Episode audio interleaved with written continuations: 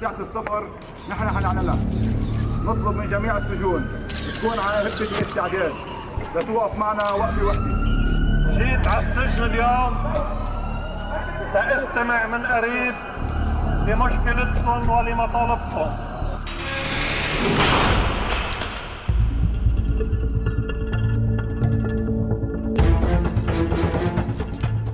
مرحبا جميعا. أنا عمر نشابي متخصص بعلم الجريمة والسجون.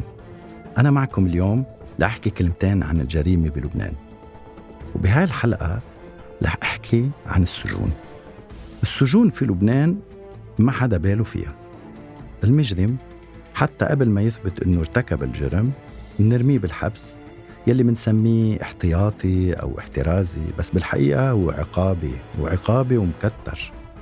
ومنخلط المشتبه فيهم الموقوفين بارتكاب جرائم مع المحترفين المتمرسين آه، وبيعلموا بعض بيحترفوا مع بعض. والناس بترتاح إنه هول الجماعة بالحبس وما بشكلوا خطر. وبيجي يوم ما حدا حاسب له حساب بيطلع السجين للحرية. ويومها نسبة تكرار الجريمة وتعاظمها بتزيد. وبيزيد الخطر على الناس وسلامة الناس وأملاك الناس. وبلبنان كل كم سنة أصلا بيصدر قانون عفو وبالتالي بصير كل شخص قبل ما يرتكب جريمة أو خلال ارتكابه جريمة بفكر إنه إذا انلقطت آه، أو بعمل واسطة أو بطلع من السجن بعفو عام.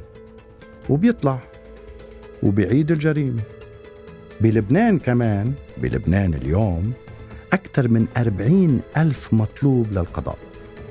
بينما السجون يلي ما بتساع يلي أنجأ بتساع 4000 بحسب المعايير الدولية فيها ستة أو 7000 طب وين بدكم تحطوا الأربعين ألف؟